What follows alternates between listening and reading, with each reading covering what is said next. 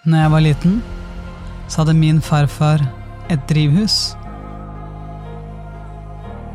Og i det drivhuset vokste de eneste tomatene jeg likte.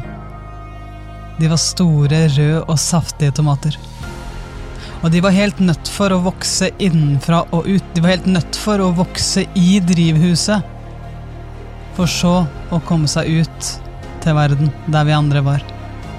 På samme måte driver vi nå i personlig utvikling og formidler at vi trenger å vokse innenfra og ut. Du trenger å vokse innenfra og ut.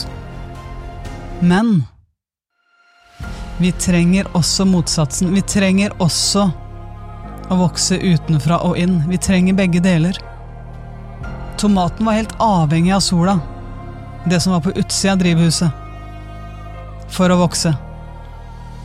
Og du, du kan jobbe med din egen selvfølelse, du kan jobbe med din egen selvtillit, du kan jobbe med dine egne forpliktelser, men i det øyeblikket du tør å ha en kraft så sterk som sola på utsida av deg sjøl, som trekker deg i den retningen som gjør at du faktisk kan vokse, så kan du bli den du drømmer om å være. For meg så var sola de andre landslagsspillerne før jeg var landslagsspiller, og kunne være rundt de og lære.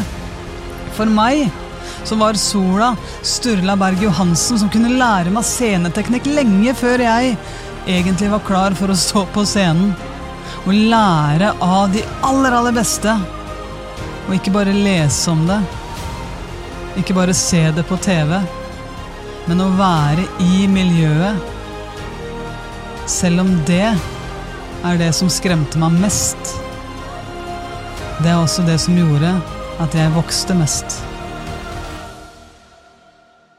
Så er din sol.